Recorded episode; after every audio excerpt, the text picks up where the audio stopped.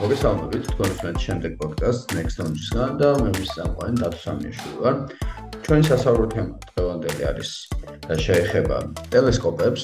მე მოვიხილავ იმას თუ როგორ მუშაობს ზოგადად ეს სისტემები. შევხედით პატარა ისტორიასაც, როგორ გაჩნდა ტელესკოპები, როგორ განვითარდა, ვინ იყვნენ პირველი ის ადამიანები, რომლებმაც ამ მართულებას საფუძველი დაუდეს და რა ხდება დღეს, ხო? ანუ აა ვიცით რომ არსებობს ჯეიმს ვების ტელესკოპი, კოსმოსური ტელესკოპი, ჰაბლის კოსმოსური ტელესკოპი, თუმცა სხვა კოსმოსური ტელესკოპებიც მოამრავია და ამის პარალელად არსებობს ტელესკოპები სამყარო დონეზე, ხო, ვისაც მაგალითად ასტრონომია აინტერესებს, მან შეუძლია შეიძინოს ტელესკოპი და შეიძლება ხოლმე შეკითხები თუ როგორ უნდა დავიწყოთ, რითი უნდა დავიწყოთ, როგორ ტელესკოპი შეიძლება შევიძინოთ და მოკლედ აი დღეს ვეცდებით ზუსტად პოდკასტში რომ ეს თემები მოვიხილოთ, თავისთავად როგორც გლობალურად, ასევე გავცეთ პატარა რეკომენდაციები თუ როგორი ტელესკოპები შეგიძლიათ შეიძინოთ დასაწყისისთვის და ამ შემდეგ. ამ ყოველთვის გარკვევაში დღეს დაგვეხმარება ჩვენ ჩვენი სტუმარი სერგი კაპანაძე, რომელიც არის აბესტუმეს ობსერვატორიის მკვლევარი და ფიზიკის დოქტორი, რომელმაც როგორც მითხრა, თავიდანო მეცო აი რა თვითონ უშუალო ტელესკოპების ხრი რაღაც სამოყოლო დონეზე დავიწყე, მაგრამ დღეს უკვე პროფესიულ დონეზე ვაკეთებ ამ ყველაფერს და ზუსტად ძალიან კარგია, რომ აი ამ ხრი შეგვეძლება, რომ სერგი შენი გამოცდილება გაგვიზიარო და ჩვენს ფენელსაც გაუზიარო. მოგესალმები, როგორ ხარ? სალამი, მოგესალმებით. და სიამოვნოა დავით თქვენთან შეხვედრა. კარგად თქვენ როგორ ხართ? მეც კარგად და მიხარია რომ შედგა ჩვენი პოდკასტი რამდენჯერმე გადაიდო, მაგრამ საბოლოო ჯამში კი, კი, ხელი შეგვიშალა ფაქტორები. ხო. თან კარგია, მოკლედ, აი არაჩვეულებრივი თემა არის, მე ვფიქრობ, იმ ხალხისთვის და მით უმეტეს ამ ბოლო დროს გამოჩნდა აი ქართულ ასპარეზზე შეიძლება რომ თქვა ისეთი ადამიანები, რომლებიც დაინტერესდნენ ამ სფეროთი. მოგეხსენებათ წლების წინ, უფრო ადრე და ადრე, ნუ იასაკემი არა მაქვს, მაგრამ რთული იყო ხოლმე და არ იყო ხოლმე. ადვილად ხელმისაწვდომი ესეთი ტელესკოპების შესახებ ინფორმაციის მოძიება, ნუ ვეძებთ ხოლმე ციგნებში როგორ კეთდება, რანაირად კეთდება და ასე ასე შემდეგ. და აი დღესდღეობით ბევრია, მე თვალს ვადრონებ ხოლმე სოციალებშიც, რომ ძალიან ბევრი ქართველი არის უკვე ჩართული ამაში, ფედოლობაში მაქვს მე ასტროფოტოგრაფია, ზოგადად ასტრონომიის მიმართ ინტერესი. აი ეს არაჩვეულებრივი ბავშვები არიან, რომლებიც ჩართული არიან ამ სფეროში და მე მინდა მათ რო წარმატებები უსულო და გაყვენ ამ სფეროს ბოლომდე რა თქმა უნდა ნუ რა ვიცი მეც მასე ვიყავე როგორც შენახსენე. ესე იგი თავიდან იწყება ინტერესი რაღაცეების მაგრამ მე და ეს ინტერესი გადადის სიყვარული ჰობი გადადის სიყვარულში შემდეგ პირიქით და მე ვითარდება შეიძლება სპეციალობაც კი მე სიყვარული ხდება ცხოვრების ნაწილი. ცხოვრების ნაწილი და წესი კი ბატონო აი ესეთი რაღაცა იყო ნუ ჩემ შემთხვევაში და მე შევეცდები ახლა ჩვენ ახლა ორი ადამიანი ვართ, აი ჩვენ დარწმუნებული ვართ, კითხვები ექნება, შემდეგ ვისაც ექნება კითხვები, მაგათ გავცემთ პასუხს კომპეტენციის ფარგლებში და ზოგადად ვისაუბროთ მას ტელესკოპებზე, ხო? ნუ ტელესკოპი ესე იგი ეს ხო, შეგვიძლია რაღაც ხო, აი მაგით დავიწყოთ ზოგადად, ყველა მიცის რასაც ნიშნავს ტელესკოპი, მაგრამ ალბათ შეგვიძლია ქრონოლოგიურად გავყვეთ, როგორ გაჩნდა საერთოდ ეს ტექნოლოგია და პრინციპი რაზეც მუშაობს, ხო, რაღაც პრინციპი, რომელიც აღმოვაჩინეთ, შეიძლება ითქვას და მე მივყვებით და ვანვითარებთ, ხო? აი, აი ეს მაინტერესებს, აი მინდა რომ დავიწყო. კარგი, მაშინ მოდი ესე ვთქვათ, ბევრი რო არ არ ჩავიჭრათ ფორმატ ისტორიაში. ნუ იმის მაინც მახსენოთ, რომ ესე იგი შუა საუკუნეებამდე აღორძინებისად ამდე ხდებოდა თვალით დაკვირვება, ვიზუალურად დაკვირვება სამყაროზე. იყო კუთასაზომი იარაღები, სანამ ტელესკოპი გაჩნდებოდა, ესე ვთქვათ. რა დროსაც ბუნებრივია ამან დიდი როლი ითამაშა მათემატიკის დახვეწაში, ცის კოორდინატების გამოთვლაში და ასე შემდეგ და უკვე აი ესე იგი მე-16 საუკუნის ბოლოს, მე-17 დასაწყისში სამეცნიერო სფეროში გაჩნდა ტელესკოპი, ანუ ასტრონომია გახდა ოპტიკური, ოპტიკური ოპტიკური დაკვირვება აა დაკვირვების საშუალება გაღრმავდა ასტრონომიაში, ფედერალობაში მაკრო გამოსახულება საშუალება გახდა იმისა, რომ გამოსახულება მოეტანა ახლოს. ახლოდან დაკვირვებოდნენ ციურ ობიექტებს, რასაც ადრე თვალით დაკვირვებოდნენ. მაგრამ იმას მაინც ვიტყვი, რომ თვალით დაკვირვებას თავის დიდი პლუსი აქვს. ეხლა მე აქცენტს მაინც გავაკეთებ იმაზე, რომ მეც მაქვს პედაგოგიური სტაჟი, ასე ვთქვათ და აი ასტრონომიის საწყისებზე ყოველთვის ძალიან დიდი მნიშვნელობა აქვს ვიზუალურ დაკვირვებას რა. მე არ ურჩევ ხოლმე და რეკომენდაციას არ ვაძლევ ბავშვებს, რომ მაინც და მაინც არიქა და კარგი ტელესკოპი გადავცეთ, ასე ვთქვათ და ვით დაიწყოს. არა. საწყისზე ვიზუალური დაკვირვებით, ცის კოორდინატების გაცნობა, ცისფეროს გაცნობა, თანავარსკვლავების გაცნობა, მხარეების გაცნობა და აი ამის მერე მარტივი იარაღებით მოხდეს საზე დაკვირვები. აი პრინციპში ახლა რაც ტელესკოპებს რაც შეეხება, როგორც გითხარით, ხოდი ზოგადად თქვა, რომ ოპტიკოსები იყვნენ ეს ჰანს ლიპერშეი ერთი მეორე ზაქარიას იანსენ ესეთი ორი პიროვნება ფიგურირებს და ოპტიკურ სფეროში ვია ჭოგრები სპაიგლას გამოიგონეს ესე ვთქვათ ეს ხდება ესე იგი 1580-იან წლებში და ეხლა დღეს სიმართლე გითხრათ აი არ არის კაცად განსაზღვრული რომელმა ტელესკოპი გამოიგონა და რომელმა მიკროსკოპი პრინციპში იმიტომ რომ საწყის ეტაპზე ეს ერთადაგივე ხელსაწყოები ორი ლინზა მილში ჩადებული ორი გამადიდებელი მცირე შუშა და შე რომელი მხრიდან ჩახედავ და მიკროობიექტებს დააკვირდები, ადიდებს გამოსახულებას, შეატრიალებ და ცისკენ გახედავ, მთვარე მოაქვს ახლოს. გამიგეთ და ჰანს ლიპერშეის მიაწერეს რომ ტელესკოპი, ანუ პარა ტელესკოპი, ნუ სპაიგლასი, ანუ ჭოგრი გამოიგონა და ზაქარია იანსეს მიაწერენ რომ ვითომ მიკროსკოპი გამდგონ ორი კვირა არის ამათ შორის განსხვავება გასაგებია რომ ესენი ერთ და იგივე რაღაცას ეძებდნენ ხო? ხო. და აი გადის წლები ამ ამ ჭოგრმა ესე იგი ფართო გავრცელება მიიღო ევროპაში მოგეხსენებათ ეს ის პერიოდია როცა საზღვაო აღმოჩენები კეთდება ნუ სამ ხდება ესე იგი განვითარება განვითარება ევროპულ ასპარეზზე და ამ დროს მოღვაწეობს უდიდესი მეცნიერი გალილეი რომელმაც შეიტყო ამ წინვალე ხელსაწყოს შესახებ და მან თავისი ხელით დაამზადა. ესაა საინტერესო, თავისი ხელით დაამზადა შუშები. აი ეს როგორ შეძლო ეს შუშებს როგორ ამზადა, როგორ დაამზადა ეგ? ეს საინტერესოა. იცი იცი როგორ არის შუშების დამზადება თვითონ, ჯერ კიდე საინტერესოა, რომ ჯერ კიდე მესოპოტამიაში ამზადებდნენ შუშებს, ანუ მასალა შეიძლებოდა ესეთი აა კირქვა და სილა ესეთი, რომელიც მაღალ ტემპერატურამდე 1000 გრადუს ტემპერატურაზე ზდნება და მე რომ ამას რო გააციებ შე შუშის მასალას შუშის ნივთიერებას ღებულ. რა.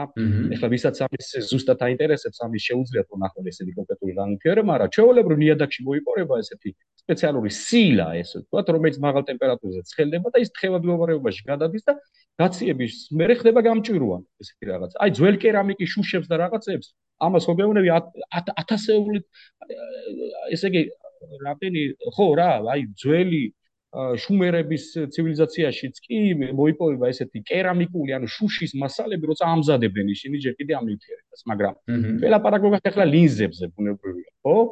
ანუ ძველ ეგვიპტეშიც ნაპოვნია რაღაც ლინზის მაგვარი ესეთი მრგვალი სხეული, რომელიც ნუ ზოგადად ლინზა ხო ვიცით რაც არის რა, უცნაური ისეთი გამჭვირვალე სხეული, უჯობესია რომ სფეროსფერო წრიული ფორმა ქონდეს ამას და რომელიც შიგნით რომ გაიხედები გამოსახულებას ადიდებს ან პატარა პატარავს ესეთი რაღაცეები და. სწორედ ეს ზაქარია იანსენი მე რაც გითხარი და სანსლიპერშეი შუშებს ამზადებდნენ გამ ეგეთ ისეთი ოპტიკოსები იყვნენ სათვალეები აი ამ რაღაც საათი საათები აი საათის ციფერბლადებს ვადებდნენ ხოლმე შუშებს და ესეთ რაღაცეებს და. აი ლეგენდის თანახმად სწორედ ეგ არის რა საინტერესო. აი ამ ჰანსლიპერშეის ამ პატარა მაღაზიაში ჰოლანდიაში სადაც ხონდა მას ბავშვები თამაშობდნენ თურმე ამ ლინზებით რა საათზე და ციფერბლადზე დასადების შუშები. და აი მორი შუშის კომბინაციით გამოსახულება გადიდა ესეთი ესეთი ლეგენდა არსებობს რა და მერე ამ კაცმა მე მიხვდა ეს ლიპერშეირო ამან მოათავსა ქაღალდის მილში მოხვიე მოახვიე ესეთი ქაღალდი თავში ბოლოში და მიიღო პირველი მარტივი ჭოგრი ეს რა. მერე ახლა ამან მეორე მხრიდანაც გახედა ბუნებრივია და ანუ მე მის თქმა მინდა რომ აი მე-14, მე-15 ხო გეუბნები მე-16 ლიზის მაგვარი რაღაცები მოიპოვებოდა. ჟან შუშას ამუშავებდნენ. ეხლა შენ თუ გაიხსენებ დაჟე აი შუშანიკის ამებაში წარი ნახსენები რომ ან ვარქსელ პიტი აღშმა რაღაცა ჭიქა გატეხა და ესეთი რაღაც ანუ სტეკლო როგორც ესეთი ჩვენ რასაც მინას ვეძახით ხო? უსტეკლისა რუსული აქცენტია. არსებობდა რა. შუშა როგორც ესეთი. ხო და აი უკვე ამისი გამოყენება როგორც პრაქტიკული თვალსაზრისით მოგეხსენება თქვენ აი თავიდანვე პირდაპირ ეს ჭოგრები კი არისო ნუ გამადიდებელი შუშები. ხო ჯერ და მე როგორც გითხარი ამ მე-15 საუკუნის მე-16 საუკუნის მიწურულს მოხდა როგორც ესეთი პირველი ხელსაწყოს მიღება აი ამ ჭოგრისა ჭოგრისა და ეხლა რაც შეეხება გალილეის მე მის თქმიდა რომ აი ეს აი შუშები შეიძლებოდა ამას თვითონ ყურა ცხელებდა და ადნობდა ბუნებრივია მაგრამ შუშა როგორც ისეთი ლიზა ამ კაცმა ჩაუვარდა ხელში მაგრამ ამის ზედაპირი და ათხელა მაგეთ ანუ გახადა გრძელ ფოკუსიანი იმისათვის რომ მისთვის ოპტიკა ძალიან კარგად იყო ცნობილი რომ როგორ მიიღო ის გამოსახულება რომ შორეული ობიექტებს დაკვირვებოდა უფრო კარგად. ეხლა საქმე გაშია მე იქით მიყავს აქცენტი რომ ტელესკოპის გაკეთება როგორც ისეთ ხო ნებისმიერი შუშისგან და ნებისმიერ ბინზისგან უნებრივი არ გამოვა ხო ზოგი არის მოკლე ფოკუსიანი ზოგი არის გრძელ ფოკუსიანი ნუ ფოკუსი რა არის ესე იგი პარალელური სქემები რომელიც შედის ლინზაში, შემკრებლ ლინზაში, ესენი გარდატყდებიან და ერთ ციკლში მოდიან. ხო, ესა ფოკუსი არა? აი ამ ფოკუსის მანძილის სიგრძეზეა დამოკიდებული ძალიან ბევრი რამ ტელესკოპის შემთხვევაში. და გალილეი როცა ვაფშე რო შუშებს ამზადებდა თვითონ შუშებს აი ამ ხრივ ამზადებდა, ის ხეხავდა ის ზედაპირს და აპრეალებდა უფრო ბუნებრივად და ღებულობდა იმ სფერულ ზედაპირს აი ამ შუშაზე, რაც ის რაც მისთვის ოპტიმალური იყო და აი ამით ააწყო მან ეს ტელესკოპი, ესე თქვა, შეგვიძლია პირველი ტელესკოპი უწოდოთ და უდიდესი აღმოჩენები გააკეთა. ეხლა რო თქვა, აი თვარეზე რაღაც დონეზე უკვე არსებობდა, ესე იგი, მაგაზე ხაზი შეგვიძლია. დონეზე ხო სპაიგლასები, სპაიგლასები არსებობდა, ხო? ანუ როგორც გითხარი, საზღვაო საზღვაო სფეროში გავრცელებული იყო ეს, მეზღვაურებს ჰქონდათ ხოლმე უკვე ეს. და და თუ შორმანძილზე აკვირდებოდა. ეხლა პრობლემა რა იყო, იცით რომ ოპტიკურად როგორ იყო ეს გამართული რა? აი მარტივად რო თქვა, თქვენ თუ დიაგრამას ნახავთ, აი პირველად გალილეი იყენებდა ესე იგი ონქრივ ამოზნექი ლინზას, რომელსაც მე აქეთკენ უთავსებდა ჩაზნექი ლინზას, ერთი რომელიც ადიდებდა გამოსახულებას, მეორე რომელიც აპატარავებდა გამოსახულებას. გამიგეთ? ამ ამ ამ ორი ლინზის კომბინაციით შენ შეგეძლო გამოსახულება მიგეღო ისეთი, რომელიც არ ატრიალებდა გამოსახულებას. გამიგეთ? არ აბრუნებდა. ანუ ზევი და ქვევით თუ შენ ორ ამოზნექი ლინზას აიღებ, ამ შემთხვევაში გამოსახულება ამოტრიალებულია.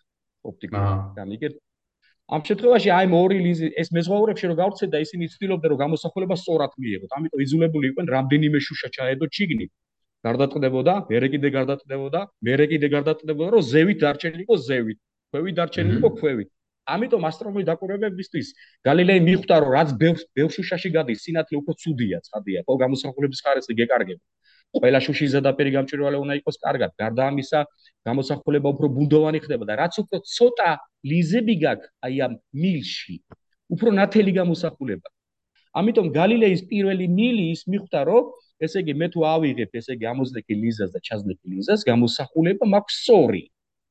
გამიგეთ? ანუ ზევით ზევით რჩება, ქვევით ქვევით რჩება და აი ამ ორი ლინზის კომბინაციით მან მიიღო სწორედ თავისი დიდი აღმოჩენები თქვენ წარმოიდგინეთ გალილეიმ აი დღესაც მასე ქვია ტერმინი რა გალილეის გალილეის ჭოქს ეძახიან ამას ეს თეატრალური ბინოკლები შეიძლება განახოთ კიდე ეს სიმბოლურად დარჩენილია ეს თეატრალური ბინოკლები რომელიც გალილეის პრინციპზე მუშაობენ თეატრალური ბინოკლები თორსა უყურებ გამოსახულება იმ დიდი გამოსახულება არა დიდი გადიდება მაგრამ აი ხედველობის ველი შედარებით მწირი აქვს მოკრძალებული პატარა წრე მაგრამ გამოსახულება შეიძლება სწორად და აი გალის გალილეი ძალიან წვალობდა სიმეს იმართო გითხრათ როგორც ისტორიულიდან წარმოებიდან ცნობილია თან ასაკიანი კაცი იყო 60 გადაცილებული და აი ამ ყველაფერს ვაკეთებდა. ну სიზუსტეც რა თქმა უნდა ცდილობდა რომ შეიძლება დაეხვეწა ეს ყველაფერი. თქვენ წარმოიდგინეთ აი 33 სანტიმეტრიც კი არ ქონა მის ობიექტივს დიამეტრი. აი 20 მმ 25 მმ ქონდა შესასვლელი გუგა რაც არის რა. სამაგერო ძელი იყო სადღაც 9 მეტრი ესე იგი 80 სანტიმეტრამდეც კი გააკეთა მასი და გამოსახულება ესე იგი ჯერ თავიდან ქონდა 18 15 და ბოლოს 40-მდეც კი აიყვანა თავისი გამოსახულება მაგრამ ეხლა რო იცოდეთ თქვენ აი თანამედროვე გაგებით როგორი იყო მის ტელესკოპი აი კატასტროფულად საშინელი გამოსახულება საშინელი რა. თვარი არეტევა წარმოედგინე შიგნით. თვარის რაღაცა ნაწილს უყურებ პლანეტებს ვერ აკვირდები კარგად, იმიტომ რომ ეს მილი თამაშობს. მე შტატივსაც დიდი მნიშვნელობა აქვს, როგორ დაამაგრა მან ეს შტატივზე. გამიგეთ, ახლა ძლიერი გადიდებისას გამგვალი ხო ტრიალებს. ამ პატარა მხედველობის ველში ძალიან სწრაფად გარბიან ეს ვასკულარები და პლანეტები და მთვარეც და მზეც. და ხო უნდა მიადევნო ამას ყველაფერს, რომ შენ იმის ჩანახატი გააკეთო. ერთ სიტყვით ძალიან ბევრი იწვალა ამ კაცო, მაგრამ ნუ რაც გააკეთა ყველამ კარგად ვიცით, რომ შეამჩნია მთვარეზე ესე იგი როგორც გითხარით მთები შეამჩნია ესე იგი მზეზე რო არსებობს ლაქები რომ მანამდე თუ ეგონათ რომ ზიზაპირი ერთგვაროვანი გლუვია თუმცა ძველი ჩანაწერებში ჩანს რომ აიც მზის ლაქებს ამჩნევდნენ ჯერ კიდე ძველი ჩინელები ესე იგი რომ აღმოაჩინა ესე იგი აი ძველი ჩინელებს როგორ უნდა შეემჩნიათ მზის ლაქები ეგარს იცით როგორ არის დათო მზე ხო განიცის ამ 11 წლიან აქტიობებს რა შორის ეხლა არის და რამდენი ისიც რომ სიმბოლური იყო რომ ეს შეიმჩნია პოლარული ნათება აქედანაც და მე მართლა არ მჯეროდა რა მე სუფთა პრაგმატულად უყურებდი ამას რომ ჩვენ განედამდე არ უნდა ჩამოსულიყო ეს პოლარული ნათება მაგრამ მე როგორ ჩანს მომხდარ შეიძლება ეს 100 წელიწადში ერთხელ ან 200 წელიწადში ერთხელ შეიძლება მოხდეს. გააჩნია მზეზე როგორი აფეთქება იქნება. იმის გამო რომ მზეს ახასიათებს ეს აქტივობები და ყოველ აქტიურ პერიოდში როცა არის მზეზე ლაქების რაოდენობა იმატებს და ისეთნაირად იმატებს ზოგჯერ აკების რაოდენობა, რომ შეუარაღებელი თვალითაც კი შეიძლება. აი მაგალითად თქვენ შეგიფშნევიათ ღრუბლიან ამინჩი, ხო შეგიძლია ორი თვალი გაუსო რომ ზის დისკს. ან მზე როცა ჩადის ჰორიზონტზე, როცა წითლად ჩანს. და თურმე აღმოჩნდა რომ ჯერ კიდე ადრე ესე იგი ჩვენ წეთ აღნიშნამდე ძველ ჩინელებს ჩანახატები ქონიათ გაკეთებული, რომ ზოგს ბანანის ფორმა მიამსგავსეს, ზოგს მსხლის ფორმა მიამსგავსეს. რაღაცა შავი ლაქები არსებობდა თურმე მზეზე, გამიგეთ, მაგრამ ნუ ესენი მერე დამტკიცდა ეს ბოლოსო თურმე მზის ლაქები ყოფილა, რომ გამოთვალეს და აქტიურ პერიოდებს ემთხვეოდა ეს ჩანახატები როგორც იყო. და ესე იგი, ნუ გალილეიმ ეს პრაქტიკულად შეამჩნია ესე, რომ მზეზე ლაქები არსებობს. გარდა ამისა, გალილეი აწარმოებდა ყოველდღიურ დაკვირვებებს აი ამ ნათობებზე და ან შეამჩნია რომ ეს ლაქები დაატკიდება, მზეზე ლაქები კარგად დაატკიდება, თუმე მზეს ბრუნვა ახასიათებს, გამიგეთ? აი ეს 30 დღიანი და 28 დღიანი ბრუნვა. ნუ თვითონ ლაქებიც მოძრაობენ, მაგრამ აი ეს შეამჩნია, ანუ მზის ბრუნვის პერიოდი გამოთვალა, ხო?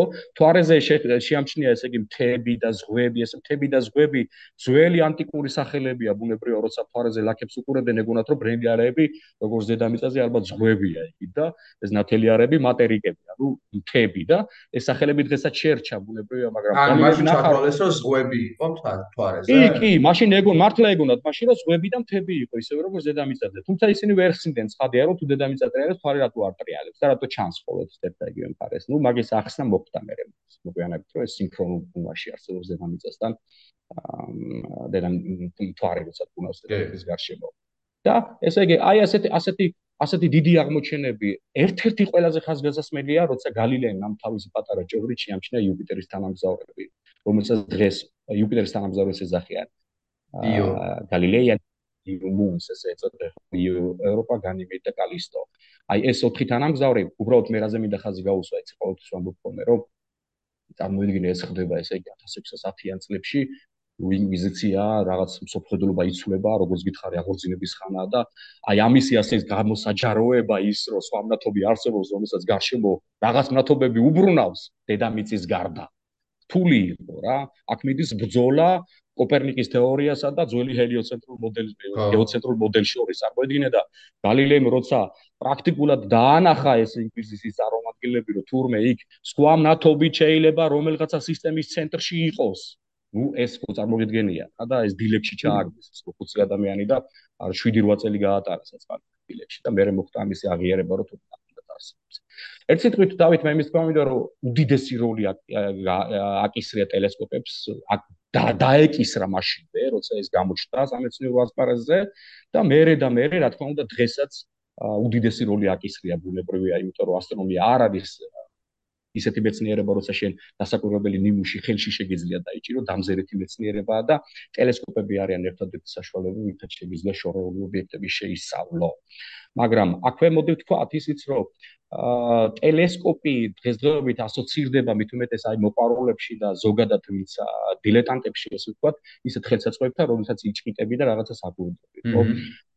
ტელესკოპი არის ხელსაწყო, რომელთაც ხდება ხდება რეგისტრაცია ელექტრომაგნიტური გამოსხივების ან ნაწილაკების რაღაცა უბანში. წარმოიდგინეთ, თანამედროვე განმარტებებული რთულია.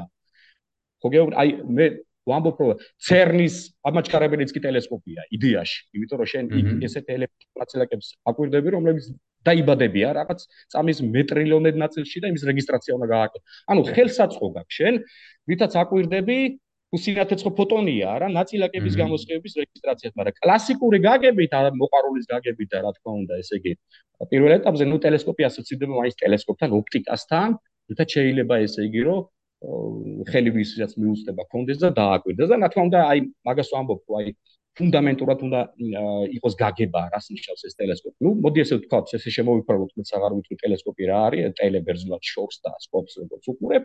ეს არის ხელსაწყო, რითაც ახდე რეგისტრაცია შენ ელექტრომაგნიტური გამოსხივების რაღაც უბანში.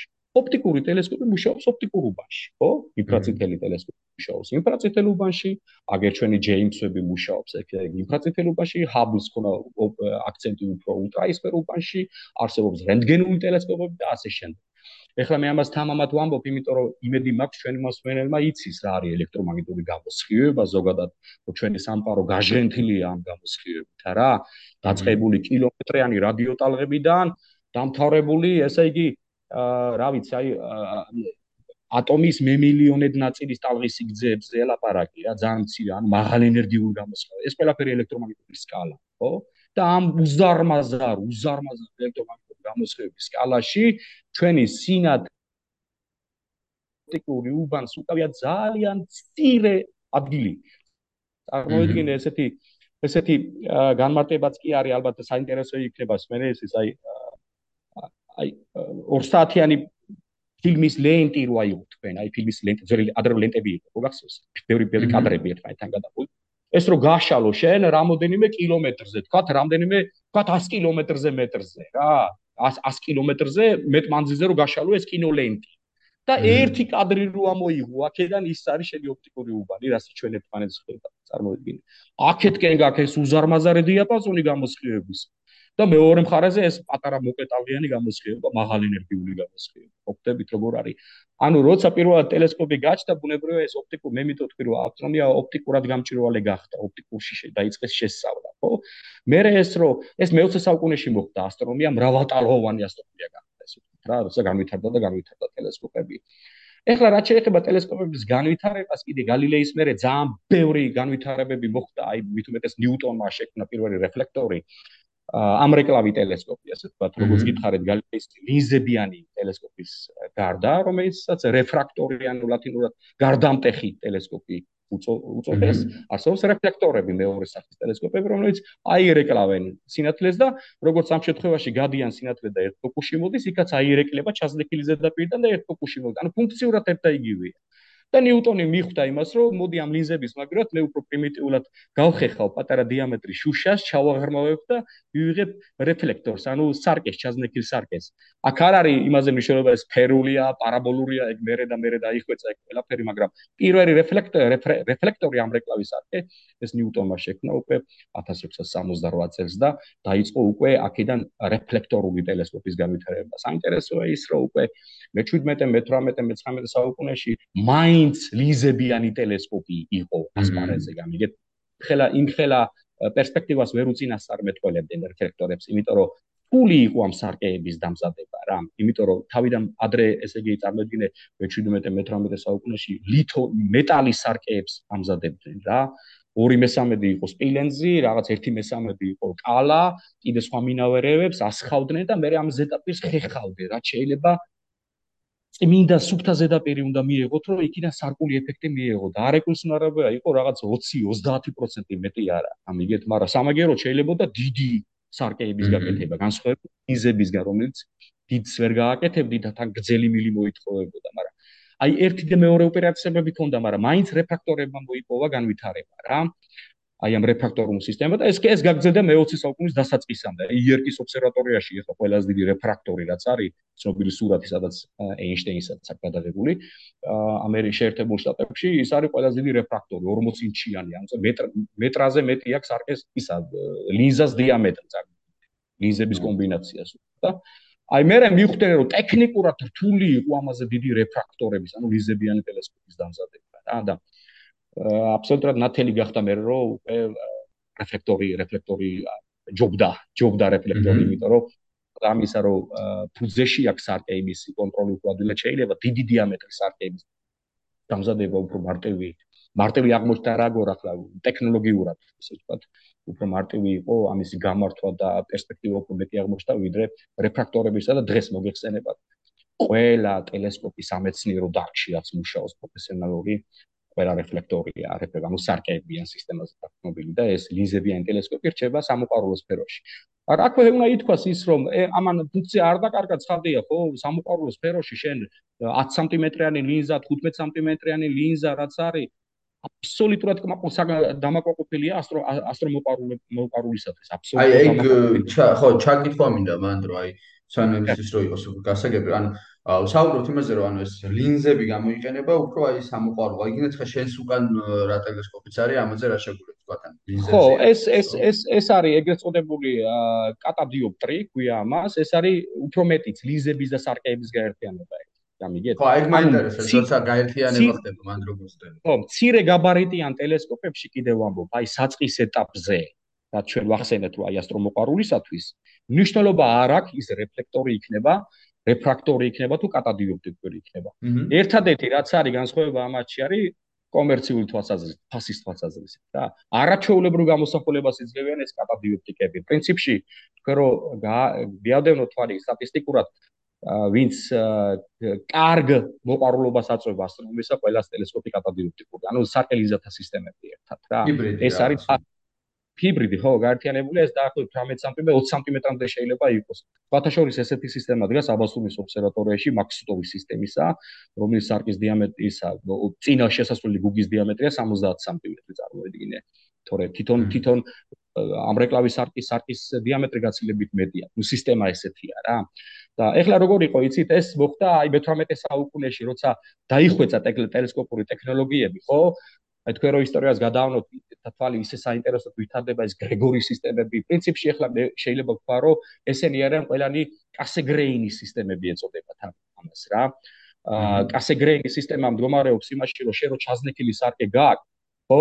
წინ წარმოიდგინეთ წინ წინ მოგაქეს სქივები ხო და ამ ეს სქივებს ხო უნდა დაუყენო წინ ოკულარი ანუ პატარა ლიზა რაღაც კორპუსში ჩასული და იქ ჩაიჭიდო შენ თვითონ ეფარები ამ სარკეს არა იქ მეორე 45 გრადუსიანი სარკეულს უყენები და მილის გვერდიდან აკვირდებიან. და ეს კასეგრეინი იყო ესეთი და გრეგორიც რომელმაც ეს ხდება წარმოიდგინეთ 18 საუკუნეში რომ მოდი ხო არ შეიძლება ეს ეს წამოსული სქივები წინ დაუყენოთ პატარა სარკე და ეს ისე უკან გაუშვათ და ეს მთავარი სარკე გავხვრიტოთ და შემოკლდება მილი. ამიგე?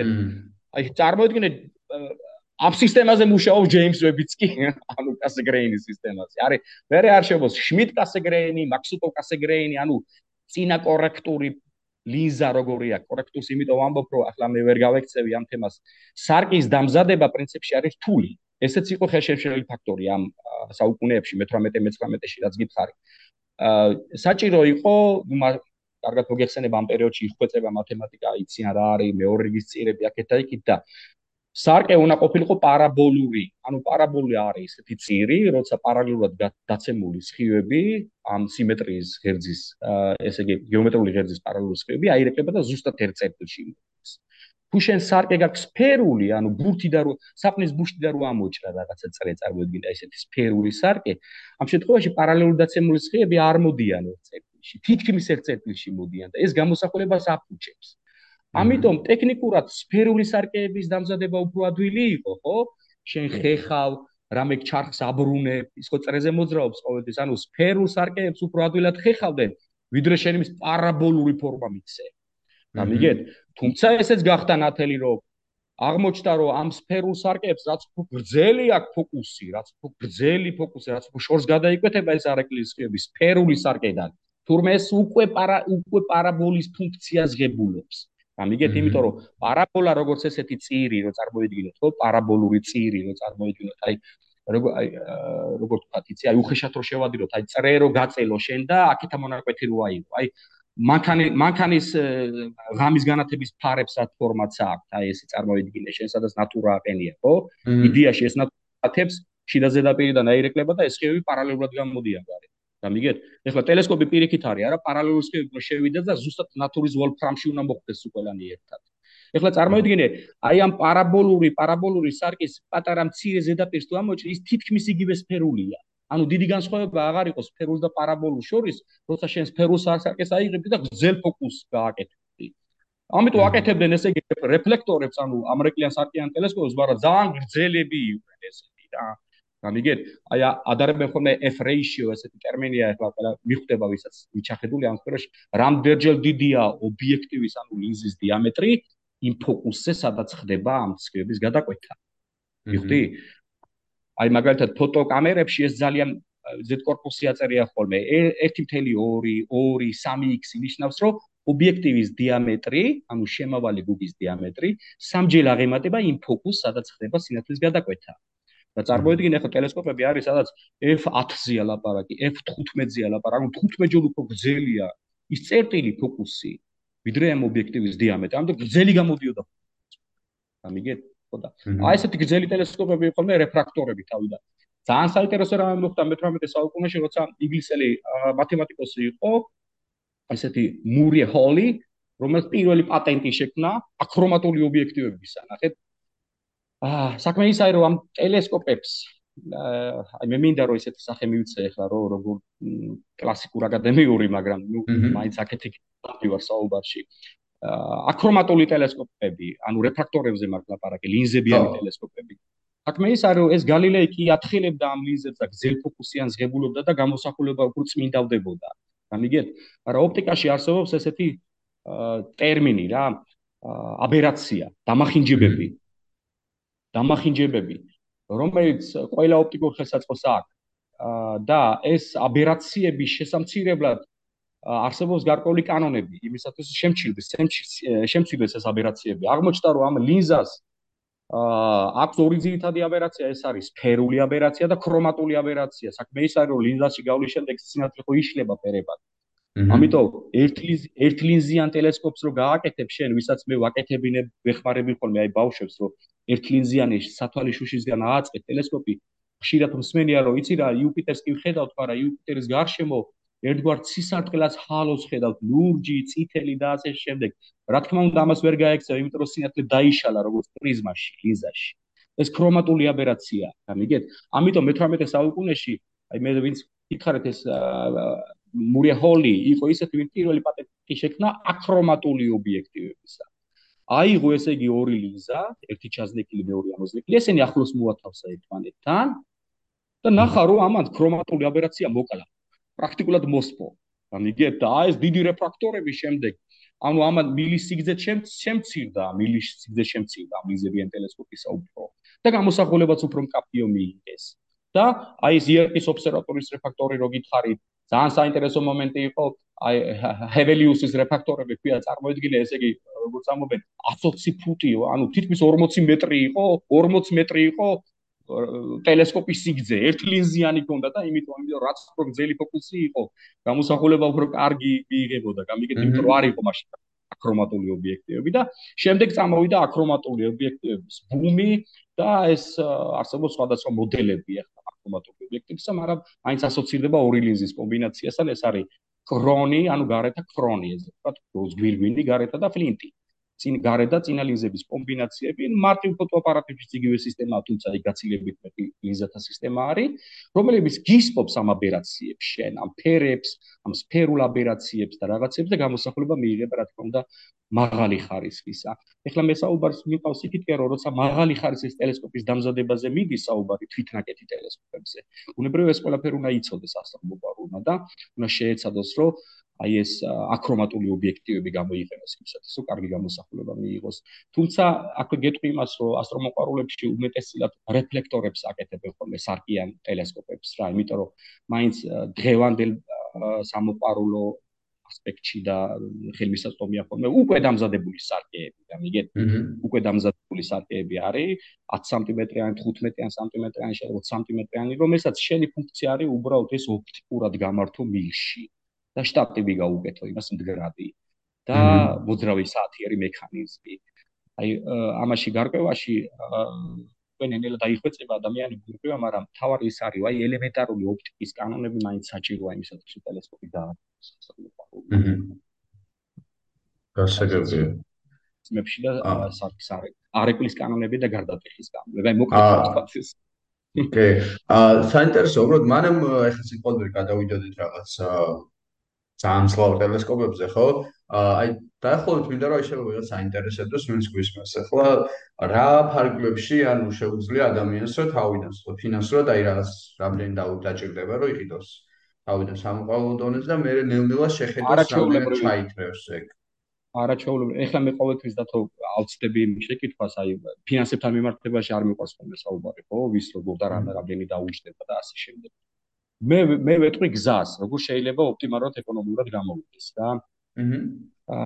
არ ვიცი, ბევრი დამეთანხმება, ბევრი არ დამეთანხმება, მე მე მირჩევნია, რომ ვინც არ დამეთანხმება, მითხრას, რომ არ დამეთანხმება, რომ გავითვალისწინო, მაგრამ ჩემი წლების გამოცდილებით მე ესეთ რაღაცას ვეტყვი ყველა ასტრონომს, რომ თუ არ აქვს საშუალება დაანებონ ახალ ტელესკოპს თავი რა.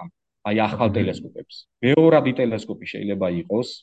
თავარია რომ ოპტიკურად ეს ტელესკოპი იყოს სუფთა. როგორი აქვს მას ლინზა და როგორ კონდიციაში აქვს სარკე. თანამედროვე სარკეები დამზადებულია ესეთი ტექნოლოგიით, რომ შენ შეგიძლია ეს სარკე ამოიღო და გარეცხო. რეაქცია ყურადღება. შეგიძლია ამოიღო და ჩვეულებრივ საპრიან წყალში და დეიონიზირებული ან გამოხდილი წყლით გარეცხო. პრაქტიკულად უბრუნებ იმას შენ საწყის კონდიციანს რაც იყო და როცა ამ მეორად ტელესკოპს ყიდულობ შენ ესე ვთქვა. ხო, ვერ შეედრება ვერ შეედრება იმ ფას რაც იყო ის ახალი. გამიგეთ? აი ახლა ჩემ უკარო დგას ეს ტელესკოპი, ხო? აი ესეთი ნუ ახლა მე ვიღებ აუზიმას და ეს მეორადი ტელესკოპი შევიძინე ერთ-ერთ ინტერნეტ მაღაზიიდან. მოხდა ამისი აბსოლუტურად დაშლა გარდა ამისა მეაქცია ყურადღება ტექნიკასთან ერთობა ბავშვი ხო? როგორ არის აწყობილი იმასაც ნახავს? რა ხელსაწყოებია რა რა ტექნიკური ხრახნებია შიგნით იმასაც ნახავს ხო? და თვითონ ფაქიზად აი თავისი ფაქიზი ხელებით თუ ააწყობს გარეცხავს და ააწყობს მერწმუნეთ იგივე ხარისხის ტელესკოპს მიიღებს რაც უნდა ეყიდა იმას გამართული ახალი წარმოებული აი ამ გასაყიდ მაღაზიაში. აი ეს არის ჩემი ესე ვთქვათ რეკომენდაცია. გამიგეთ ეს რაც შეეხება სარკიან ტელესკოპს. შეიძლება ეხლა მე მესმის აი ბევრი შემეკამათება იმას რთულია ამის გაკეთება. ხო ახლა შენ საჩუქრად გინდა ბავშვი აჩუქო ტელესკოპი ან რაღაცა ესეთი ისა ის ხადი ამას ვერ გააკეთებს უნებრივია, მაგრამ ისეთ ისეთ დონეზე, ისეთ ასპექტში, აი მაგალითად უკვე ჩამოყალიბებული კაცი როა, ესე ვთქვა და იცის რასაც აკეთებს, მე ურჩევდი იმას, რომ შეიძინოს მეორე ხარისხის ტელესკოპი, აი ესეთი კაპადიოპტიკური ან თუნდაც ნიუტონის. ახლა ლინზებიან ტელესკოპი, ახლა ლინზას ხარისხი არ გაუხუსდება იმდენად, მაგრამ იქ ცოტა თულია იმისი დაშლა დააწყობა რეფრაქტორები მაინც. ფოტოშოპის მე მაინც აქცენტი რეფრაქტორებზე მაქვს, ხოლმე გაკეთებული, ჩემი თვით გაკეთებული უფრო რეფრაქტორებია ლინზებიან ტელესკოპი, მაგრამ აი სარტების შემთხვევაში მე ამ რეკომენდაციას მივცემ რა, რომ აი ეს თანამედროვე ტელესკოპები რაც არიან, ხო, კაპადიოპტიკურები, შეიძლება მეორადი მოხსნან სარკე, მოხსნან წირა კორექტორი, გაწმინდონ, გარიცხონ, ხოხტათ ისე როგორც წესი მაგაზე უამრავი ინფორმაცია დებს როგორ შეუძლიათ ეს პროცედურა გააკეთონ, ისე რომ ოპტიკა არ დააზიანონ, არ დაჩხაპნონ და აწყონ და მოახდინონ მისი იუსტირება, ანუ ოპტიკურად გამართვა. ისე რომ ვასკულავიჩადეს წერტილი როცა ვსწრებ უამ გეუბნები აი ფინანსურად არის კატასტროფულად განსხვავება. იმისა რაც შენ მეორად სიტი გააკეთე როდესაც აწყობა ანუ ანუ ის რომ გააქვს უკვე საშუალება ხო გააქვს საშუალება რომ აწყო. აწყო შენ თვითონ მოიყვანო თან ინფორმაცია როგორ შენ გინდა.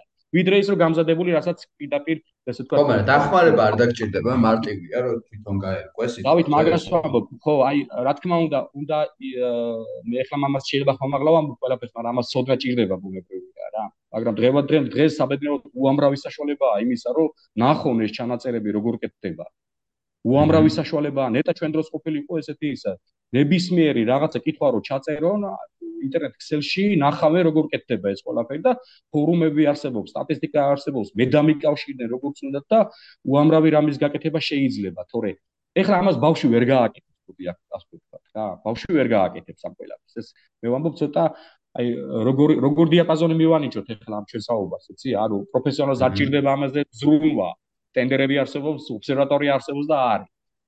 ბავშვებს კიდე უნდა შეუძინო ტელესკოპი, რა თქმა უნდა, რომელიც ის ვერ დაშლის და არ იცის და იქიდან უნდა ისწავლოს ოპტიკა რა არის. აი შუალედური.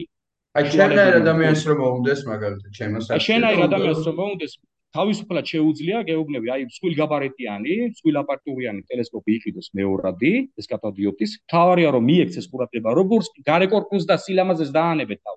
ოპტიკურად როგორ არის სუფთა, და ამისი რესტავრაცია და შემდეგ გამართვა ისე როგორც ამ ფაბრიკულად იყო ახლად თავისუფლად შეიძლება ამის თქმით თუ სარკი არ არის დაზიანებული მეორე სარკი არ არის დაზიანებული და კორექტორი არ არის დაზიანებული ფოკუსერსაც და იმასაც ტექნიკურად შეიძლება ამის. ანუ ეს არის გაკეთება ტელესკოპისა გამიგეთ? ანუ შეხო თავიდან ვერ შექმნი ვერაფერს მაგრამ გაკ ის მასალები ის მატერიალები რაც შეიძლება აიწყოს ტელესკოპი და აი გააკეთებ ისე ტელესკოპ რომელიც ღირს შემდეგ არ ჩამოუვარდება იმ ახალს ყოველ შემთხვევაში თორე ღმერთმა ყოველას მიცეს კაცო გადაიხადოს ის თანხა და იყიდოს ეს თანამედროვე ახალი ტელესკოპები და რა ვიცი რამდენი ათასი აი მაინც მაინც იმაში ჩავიდეთ სიტყვა სადაც აი 2000-3000 წელს შეიძლება ამ ყოველფერში ჩაედიოს 3000 3000-ზე მეტი უნდა კიდე 3000-ზე მეტი უნდა ლარებში რო 3000-ზე მეტი უნდა კიდე აი ეს 127-იანი რო შეიძინო 127 მმ არის 5 ინჩიანი რა ობიექტივის დიამეტრი, სარკის დიამეტრი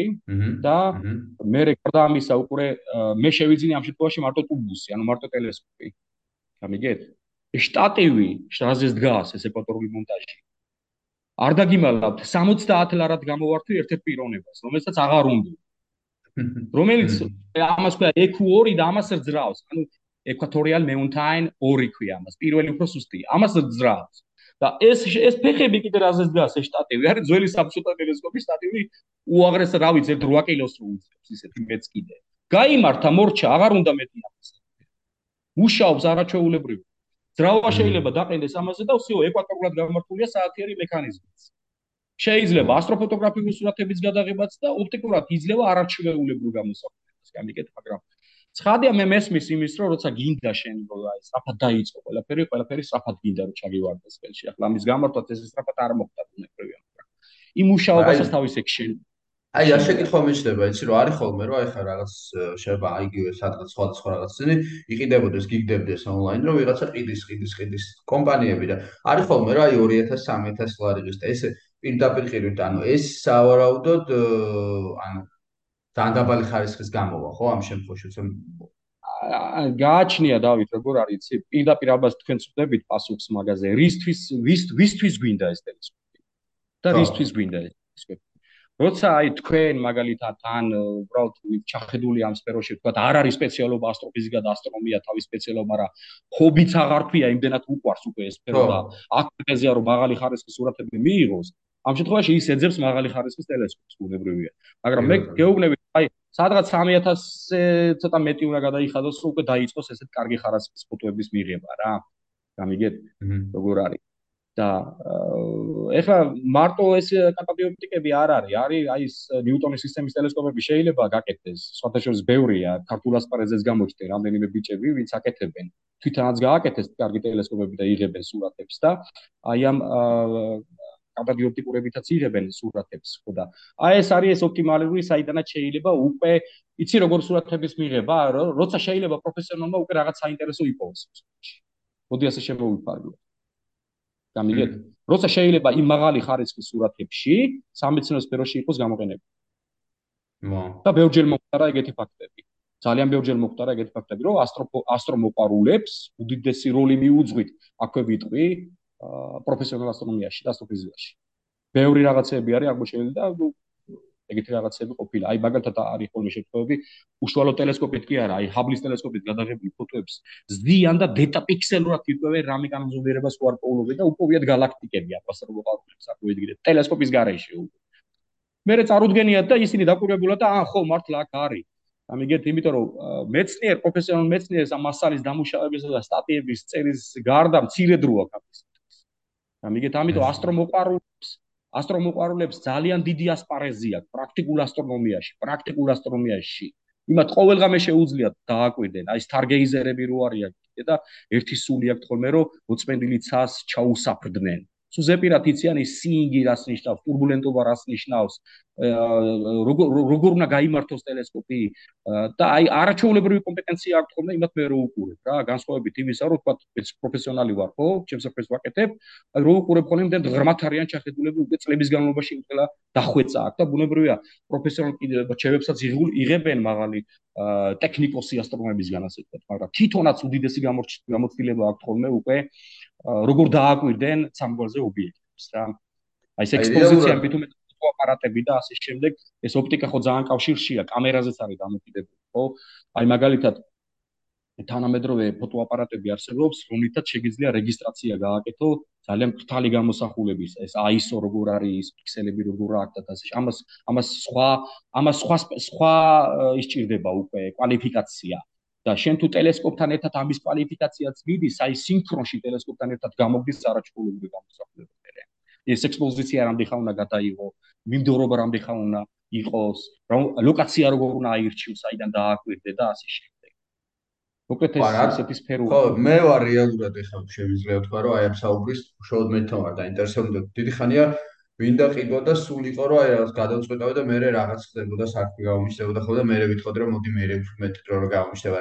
რეალურად დიდი ხანია მინდა და აი მინდა რომ დავიწყო რა და თან ვიცი რომ თუ დავიწყებ მე შევყვები და შევყვები რა და აი ეგ მომენტია რომ ხო ხო არის ხოლმე ესეთი ახლა მეც აი რამდენიმე ესე ვთქვა წამოწყება მაქვს. თუ დროის გამო ვერ ვახერხებ ეს გამართოს თორე აბსოლუტურად ყველა მასალა არსებობს რა. მე ყველას ურჩევ მაინც რომ აი ინტერნეტ მაღაზიები არსებობს, სადაც უკვე რაც მე ვახსენე, აი ეს გამზადებული აკრომატული ლინზები იყიდება, აკრომატული ლინზები. ეს შეუძლიათ გარკვეულ корпуში მოათავსონ თვითონ ბავშვებმა, აიღონ მუყაოს მილი და აიღონ ფოკუსერი. ფოკუსერები, აი ყველაფერი გამზადებული იყიდება და აი ფოკუსირება რითაც ხდება და რა თქმა უნდა ოკულარები კიდევ უამრავ. არსებობს ამისა. ახლა ვისაც ბავშვს ინტერესი და დრო აქვს, გეუბნებით, აი არაჩვეულებრივი საშუალება არსებობს ამისი, რომ ააწყოს თვითონ ტელესკოპი, მაგრამ როგორ უნდა ააწყოს, რომ ოპტიკურად კარგი გამოსახულება მიიღოს და იმედგაცრუებული არ დარჩეს მერე. აი ამისათვის უკვე ბევრი ინფორმაცია უნდა აიღოს, როგორ გააკეთოს. თორე პრინციპულად არ არის რთული, არ არის რთული. მე მაინც ურჩევ ხოლმე, რომ რეფრაქტორები დაიწყონ. ეხლა თქვენ შემთხვევაში არ ვიცი, ახლა უკვე თუ დრო გააქვთ და ესე ოპტიკურად შეიძლება არახარ ციგნისაო ჩახედული, შეიძლება გაგიჭირდეთ. თუ ოპტიკურად ჩახედული ხართ და ბავშვობიდან ოპტიკა გაინტერესებთ და იცით როგორ უნდა მოეპყროთ ამ სარკეებს და შუშებს, ამ შემთხვევაში მე ეს გადაწყვეტილება მივიღე. მიუხედავად იმისა, რომ კიდევ ამბობ, ჩემი საქმე მაქვს, მუშაობ, ვთქვათ და ასე შემდეგ, მაგრამ რა ვიცი, ბავშვობიდან მოყოლებული ეს ხუბი რაც არის ტელესკოპებთან მიმართებაში, რომ მე კონდეს ჩემთვის საკუთარი იაფასიანი ძლიერი ტელესკოპი, მე ეს გადაწყვეტილება მივიღე. და არ მინანია და იმს გავს ურჩევ, რომ მეორე ხარისხის მეორე დიდი გაბარიტების მეორე ხარისხიანი ტელესკოპს, რომელსაც შესანიშნავი ოპტიკა აქვს შენარჩუნებული, შეიძლება დაუბრუნოთ სიცოცხლის სიმართლეობა და არ ჩამოუვარდეს იმას, რაც ქარხანაში იქნებოდა. აი მის თქმა მინდა. გამიგეთ? ორი რა თქმა უნდა ეხლა თუ რა შერო გარანტიით შეიძენ იმას და თუ არის საშუალება გადაიხადო და უკვე გამართულია ყველანაირად ის ის კარგია კომფორტია. ბუნებრივი აი ესეთი რა ხო. ამ შემთხვევაში ალბათ ალბათ 1-4-5 დაგჭირდება გამართული პირდაპირ იყიდო ალბათ ხო ალბათ ეგრე დაახლოებით კი აი მაინც ვერ ავწდები მაგ თემას რა. აი სადღაც მასე არის განსხვავება ფასში რა. აი ახლა ყველაფერი ეს მაინც ხო ჭირდება რაღაც ფინანსები რომ შეიძინო მაგრამ ეხლა აი ყოველ შემთხვევაში როგორ არის დავით იცით? საწყის ეტაპზე ბავშვს აი 7 8 9 10 წლის ბავშვს ვაინტერესებს ასტრონომია ხო? მე იმას ასეთი გაბარიტის ტელესკოპს არ უჩვევ ზედმეტია უბრალოდ. რადგანაც სუდია ჩაიხედება შიგნით და გაგიჟდება ისეთ გამოსახულებას მიიღებს მაგრამ მე ურჩევდი რომ ამ ლიზებისგან ეცადოს ჯერ გაკეთება მე ეს ეს ისეთი სფეროა ისეთი დარგია რომ ერთს რო გააკეთებ, ყოველთვის გინდება მე უფრო ძლიერი. მე ყოველთვის გინდება უფრო. მაგას ვამბობ, ხო. ამიტომ მე ყოველთვის ვეუბნები ხოლმე ბავშვებო, მიაქციეთ ყურადღება იმას, რომ როგორ უნდა დაიწყოთ ასტრონომიის შესწავლა, სამგვალი შესწავლა, ვიზუალური დაკვირვებით პირველ რიგში. ზოგს რო კითხო, ჩრდილოეთ და სამხრეთი ვერ გეტყვი, სადაც არის. როცა თანავასკლავედები თუ იქ ცხოვრობს, ინტუიციით უნდა იყოს, იცოდეს საით არის, ხო? ელემენტარულებია, ხო? ადრე დიდი დათვისად არის, პოლარული როგორ იპოვოს, თანავასკლავები იცოდეს რომ 98 თანავასკლავებია რომელია ყველაზე დიდი ვარსკვლავი ვარსკვლავების სახელები აი ამ პატარა სიყვარულებით რაღაცა პირები და თვეები რო გადის მე ბინოკლი უნდა მიცემე თუ მკითხავ. ამ ბინოკლით უკვე შეიძლება უფრო სიღრმისეულად გაიხედოს იმ deep space-ში. გამიგეთ მე ძლიერი ჭოგრი უნდა მიცე კიდე უფრო ძლიერი აი ესეთი შესანიშნავი ბინოკლები არსებობს დიდები რომლებიც ესე არ ჩამოვა იმ ტელესკოპებს, რომლებიც იყიდება აქ, შეიძლება 1500 ლარი ღირდეს. ნუ ბინოკლია ესეც და ამასაც თავის კომფორტი აქვს, რომ გამოსახულებას დიდად არ გიდიდებს. გამოსახულების ველი დიდი გაქვს და აი ამ M42-ზე და ორიონის ლისლაულზე და ამაზე დასაკვირვებლად არის სასაული კომფორტი. მოკლედ ამას თუ სტატუსს დაუყენებ შენ და ესე ვთქვათ, აი წამოწვევი და ხელს არ მოკიდებ და გაიხედები, სასაული კომფორტია ამას დაკვირვება და ეს მისროლებისთვის რა. შემდეგ უკვე გადადის აი ტელესკოპების აწყობაზე. როგორ უნდა გააკეთოს? არის ხო გეუნები უამრავი საშუალება 10 სანტიმეტრიანი ტელესკოპები 15 სანტიმეტრიანები, 20 სანტიმეტრიანები გთავაზობს, ესე იგი რა, გამყიდველი გთავაზობს პარაბოლურ სარკეს, მაგრამ აჰა, შენ პარაბოლური პირველადი სარკე და აჰა, შენ მეორადი მეორადი ამრეკლავი სარკე ბრელი. აწყებს, იო. უნდა უნდა აწყოს თვითონ გამიგეთ ეხლა როგორი შოვის იმ მილს როგორ მოათავსებ შიგნით იმ სამხრახს როგორ გააკეთებს რომ იუსტირება ზუსტად დასვას თავარ ოპტიკურ ღერძზე ამაშია მე რეაქშენი ყველაფერი და ამას რომ გამართავს თვითნაკეთს რომ გამართავს უდიდესი ამონებას მიიღებს მერწმუნე თორე ახლა გამზადებულები არსებობს ყველაფერი ცხადია ხო აი ახლა ბავშვებზე რო საუბრობ, რეალურად მეც მაგ ბავშვად აღვიქვახ შეერთავს, იმიტომ რომ აი მინდა რომ შეუყვედა რაღაც დონეზე განმოვითარო. მეორე არის აი ასტროფოტოგრაფია, ეს მაინტერესებს კიდე რა უშუალოდ, ანუ სიტყვაზე რამდენად შესაძლებელია რომ თბილისში ცხოვრობ აა დაკავდე ასტროფოტოგრაფიით, მე ვიცი მეგობრებიც ყავს, რომლებიც ბაზალეთში ბაზალეთზე მიდიოდნენ ხოლმე და იქ მუშაობდნენ. კი, კი. მაგრამ როგორი პერსპექტივა არის? დვალი ერთ-ერთი პიონერი მაგ ამბავში. გია დვალის ძმა? კი, კი, ხო. ხო, მე კი დიადვალიზა დავითი, რომელსაც მე სანამ დაიწყებდა მანამდეაც გქონდა ურთიერთობა სამედრიერო და ძალიან განვითარდა და კარგია და უსურო ბედნიერებას და რა ვიცი, კიდე წარმატებას ამ სფეროში. მოკლედ, აი როგორ არის, იცით? აა შეიძლება თბილისიდანაც კარგი სურათების გადაღება. ოღონ მოდი ამას დავარქვათ, აი კარგი მხატვრული სურათების გადაღება და არა სამეცნიერო. შემოვალი ჩატია, იმიტომ რომ აი ეს სმოგი და light pollution, რასაც ქვია, ხო, სინათლის დაბინძურება. აა ძალიან დიდია ზოგადად თბილისის მიდამოებში. თქვენ თუ უკვე წნეთისკენ ახვალთ და აი ზევით აი თუ მოციდებით ქალაქს, სადაც უკვე მოშორდებით ამ ქალაქის მოშორებას, აი ალბათ საღამოჟამს ხო შეგიჩნევიათ, შეიძლება ქალაქს მოშორებული ხარ და ქალაქის მხარეზე რომ გამოიხედები, სულ წითლად ანათებს ეს ყველაფერი და ცაც გაწითლებულია მაღლა და ახლა იმ მიმართულებით რომ ნატობია, შენ ნატობის გამოსახულებას და galaktikis და რაღაც დისლუსურაც კი გადაიღებ, არა მე ფილტრები არსებობს მაგისი რომ მაინც და მაინც ის ჩაკლას და ასე შემდეგ. საწვალებელია ეს ისე თქვით და ყველაზე მარტივია მოშორდე კალაქს. ყველაზე მარტივია მოშორდე კალაქს. აი იქ უკვე ამაზე აღარა გაქვს აზრუნავი. ამიგე ცაკ თავაზობს უნიკალურ საშუალებას, ესე იგი ბნელია და რა თქმა უნდა, მთვარი არ უნდა იყოს ჰორიზონტზე და აი ასე ესეც ტერმინი არსებობს, სინგი, ანუ რადონის ესე იგი დაწყნარებულია ცა არ არ ღელავს და რადონის სუსტი ვასკულარები ჩანს ცაზე. გამიგეთ? ანუ ეს ვასკულარების ხო მაგნიტუდებად არის დაყოფილი არა? აი მაგალითად ყველაზე უნიკალურ მოწმენდილ ცაზე შენ შეუერაღებელი თვალით პლანეტა ურანის დანახვაც კი შეგიძლია, იმიტომ რომ ის მე-6 ვასკულარი ერთ სიდიდეშია დაახლოებით, წარმოვიდგინე. ეხლა ურანის დანახვა თბილისიდან ხო კი არა სირიუს ყველაზე დიდი ვასკულარი რაც არის ძლივს ჩანს ხოლმე და იუპიტერო პირისპირ ლომაშია ის თუ ჩანს ხოლმე. ან პრაქტიკულად არ არის. ამიტომ ეს დიდ მეგაპოლისებში ვიცხოვრობს, იმათ მერწმუნე ვიცი მე ენატრებად კიდევაც მოწმენდილი ცის დანა. ამიტომ აი როგორ თქვა იცი ხო პრინციპი შუა ქალაქში რო ცხოვრობ და უბრალოდ აი მათზე გაიტანო მაგით ვერ შეძლებ. აი იცით როგორ გააკეთებ? აი შეგიძლია მთვარეზე კატერები დააკვირდე მაგალითად. კრატერებს და ფოტო რო გადაიღო და რაღაცა სიტყვაზე ისეთი რომ ამაზე შესაძლებელი შესაძლებელია გააჩნია, მაგრამ ეს საუბედუროდ არ არის ესეთი კლიმატი ხშირად ხოლმე. ამინდზე არ ყველაფერი დამოკიდებული ასე ცხადია, ხო? ტურბულენტობა უნდა იყოს ნაკლები, რაც შეიძლება. სეზონებზეა დამოკიდებული. მნათობი რამდენი სიმაღლეზეა ჰორიზონტალურად დამოკიდებული და ეხლა ზოგადად თუ შემოვიფარგლო შენ რაც მკითხე, შესაძლებელია ბუნებრივია. შესაძლებელია, მით უმეტეს კარგი ტელესკოპი თუ გაქვს, შესაძლებელია მოგი მეგაპოლისებიდანაც აა რაღაცა სურათების მიღება, მაგრამ ყველანაირ ყველანი ცდილობ ხოლმე, ცდილობენ ხოლმე და ესეთი ტერმინიც კი არსებობს ბეგიარდ ასტრონომი, ხო, ვინც კერძო ცხოვრობს და აქ საშუალება იმის, რომ ბაღის უკან გაიტანოს ტელესკოპი და მოახდინოს საზდაკურებები, შედარებით აი ამ ხელოვნური განათებისგან მოშორებით, დრამატულად, დრამატულად, ესე იგი განსხვავდება იმ ადგილიდან გადაღებული სურათისგან, სადაც ქალაქის განათება უშლის ხელს. ამიგეთ როგორ არის. თორე შეიძლება ბუნებრივია მე მინდა თბილისიდანაც და ბევრი დიდ ქალაქებიდანაც გადავუღიათ ფოტოები და არაჩვეულები ფოტოები ასე რომ შემდეგ ხელოვნური დამუშავება რა თქმა უნდა. ნუ ეს ხელოვნური დამუშავება კიდე არ მიყვარს სიმართლე. რაღაც ეფექტებს აძლევენ ხოლმე, მაგრამ ის ბუნებრივობას შორდება. ესეთი მომენტია და ყველაზე ნაღდია ნართლა რომ აი ოსტუმანში ან ბაზალეთზე არაჩვეულები, აი კახეთის მხარეზეც აქეთკენაც არის შესანიშნავი ლოკაციები. მაგაზე სპეციალური ვებსაიტიც კი არის, შეგიძლია მთელი მთელი მსოფლიო მასშტაბით ნახო, ესე სად არის კარგი ლოკაციები. ანუ ამ light pollution-ი სად არის მინიმალური ადგილები და იქ საქართველოსეც კი შეგიძლიათ ნახოთ.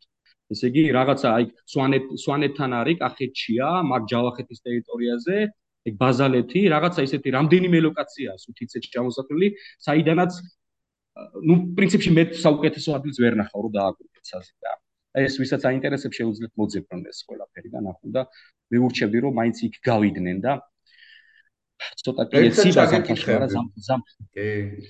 აი რამდენი ხანი დაგჭირდება აი რომ გახვიდე და რამე კარგი ფოტო გადაიღო კიდაც ბაზარზე რამდენი ხანი გჭირდება? თელი ღამის გათენება გიწევს როგორ არის? გაგიმართლა თუ გაგიმართლა თელი ხო თელი ღამე უნდა გაათენო რა თქმა უნდა დამოკიდებულია ექსპოზიციის დროზე ხო დავით? ეხლა როგორ არის? იცი კომპენსირებას აკეთებს რა? გახსნილი კამერა გახსნილი კამერა, ფოტოდეტექტორი რო გააქვს შენ, ხო?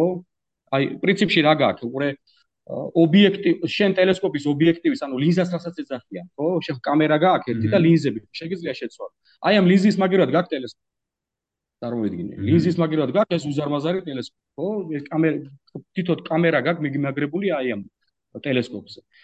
ესე იგი, ტელესკოპი შეიძლება აპერტურით, ანუ გაბარიტით, ანუ სისხლით, შეიძლება არ იყოს დიდი, შეიძლება მოკრძალებული იყოს, შეიძლება ნახე 45 სანტიმეტრიანი იყოს, ანუ 80 მმ-იანი იყოს, მაგრამ თუ შენ აი ეს ფოტოკამერა გახსნილი გაქვს და ექსპოზიციის დრო, ანუ ფოტო ფოტო დეტექტირების დრო გაზარდე. ამ შემთხვევაში ეს პრაქტიკულად აკომპენსირებს იმას, როგორც დიდი ტელესკოპით გადაიღო შენ სურათები. ამიგეთ, აი მაგალითად ეხლა ადარებენ ხოლმე ზუსტად ჯეიმს ვებისა და ჰაბლის ტელესკოპებს. ამიგე რომ თითქმის ერთნაირი გამოსახულება, თითქმის ერთნაირი გამოსახულების კიღებულებენ, მაგრამ ეს ჰაბლის ტელესკოპის დაკვირვებები გრძელდებოდა დღეების განმავლობაში ერთ და იგივე ერთ და იგივე ცის კუთხეში და იმან ერთ საათში მოგცა ეს გამოსახულება. ამიგე, ამიტომ შენ თუ ღრმა სუსტი ობიექტების რეგისტრაცია გინდა ცაზე და გაქვს საშუალო ზომის ტელესკოპი, რა თქმა უნდა, თუ გაგიმართლა რომ იქ თვითმფრინავი არ გადაიარა ან ტელესკოპი არ გამოვიდა მონტაჟი ისე რომ კარგად გაქვს შენ გასწორებული პოლარულ ღერძის პარალელურად რომ ამოსვლა ჩასვლა ნათობებზე ეს ეკვატორული მონტაჟი ზუსტად მიყვება იმ კონკრეტულ პატარა ვიწრო უბანს ცაზე რის რეგისტრაციასაც შენ აკეთებს და ეს გაგრძელდა მაგალითად საღამოდან დილამდე. შეგიძლია იქიდან შეგიძლია აი როგორ გითხრა იცი ღრმა კოსმოსიდან ამოხაპო ინფორმაცია ამოიღო ის უსტი ობიექტების სურათი. ამ პატარა ტელესკოპითაც კი თუ გაქვს კარგი კამერა ხო ცხადია ეხლა მე მე ესეთი რამე არ არ ვსმენია რომ თქვა შეწყვიტო მერე და მეორე დღე ზუსტად იქიდან გააგრძელო ეს დაკვირვება როგორც ეს ეს აი ეს რამდენიმე წუთი ან საათი თუ გრძელდება ხოლმე ერთ და იგივე ცის ერთ და იგივე უბანზე დაკვირვება და კარგად არის გასწორებული ტელესკოპი მოცემული პატარა კვადრატულ სანტიმეტრში. ხო ცაზე გადიდების შემთხვევაში. ну ახლა შეიძლება თქვა ის რომ ტელესკოპების განსხვავდება რა არის ესე იგი ფოკუსი რო გითხარი ეფრეიშიო ანუ სწრაფ ტელესკოპებს ეძახიან აი ასტრომოყვარულები ცდილობენ ხოლმე რომ მოკლე ფოკუსიანი რეფაქტორები აიღონ, ამას ის უპირატესობა აქვს, რომ ხედელობის ველი დიდია რა. აი წარმოიდგინე შენ ხლა აი ეს პლეადები, ანუ ვასკულათა გოვარო არის ეს შვიდიდა, ხო, ორიონის თავზე ალბათ ვიციცის, ხო, ეს თუ თუ დიდი მხედველობის ველი არა გაქვს, ეს ვასკულათა ყველა არ გეტევა შიგნით ამაში. თუ მოკლე ფოკუსიანი ტელესკოპი გაქვს, სწრაფი რეფაქტორი, ამ შემთხვევაში მხედველობის ველი დიდი გაქვს, შუგძალაც დიდი გაქვს, მათემატიკური ფორმულა არსებობს ესეთი და თუ შენ მონტაჟიც არაჩვეულებრივი გაქვს, მიყვები და აი ამ ცის უბნიდან ამოიღებს საერთოდ თუ რამე ნისლეული არის იქ თუ არსებობს. და აკეთებენ ამას ასტრომოყარულები არაჩვეულებრივად. და თუ გრძელი ფოკუსი გაქვს ტელესკოპზე ამ შემთხვევაში მხედველობის ველი არა გაქვს დიდი შუგძალად სუსტი გაქვს სამაგეროთ აი გრძელ ტელესკოპებს იყენებენ ხოლმე უშუალოდ უფაინს პლანეტებზე დასაკვირვებლად და მთვარეზე დასაკვირვებლად ხოლმე სადაც უთხური გარჩევადობა გაქვს დიდი ანუ გადიდება გაქვს დიდი გამიგეთ. აი ახლა არაჩვეულებრივი სურათებს იღებენ ხოლმე მაგალითად განიმედის ზედაპირზეც კი რაღაც დეტალებს ამჩნევენ. იუპიტერის თანამგზავრზე მაგალითად ხო ეხლა თუ იუპიტერ კალენდრში ამჩნია. აი წარმოიდგინეთ გარჩევადობა ესე იგი ერთი სეკუნდი ანუ სეკუნდი რა არის? 360 გრადუს ხო არის ერთი წრე არა?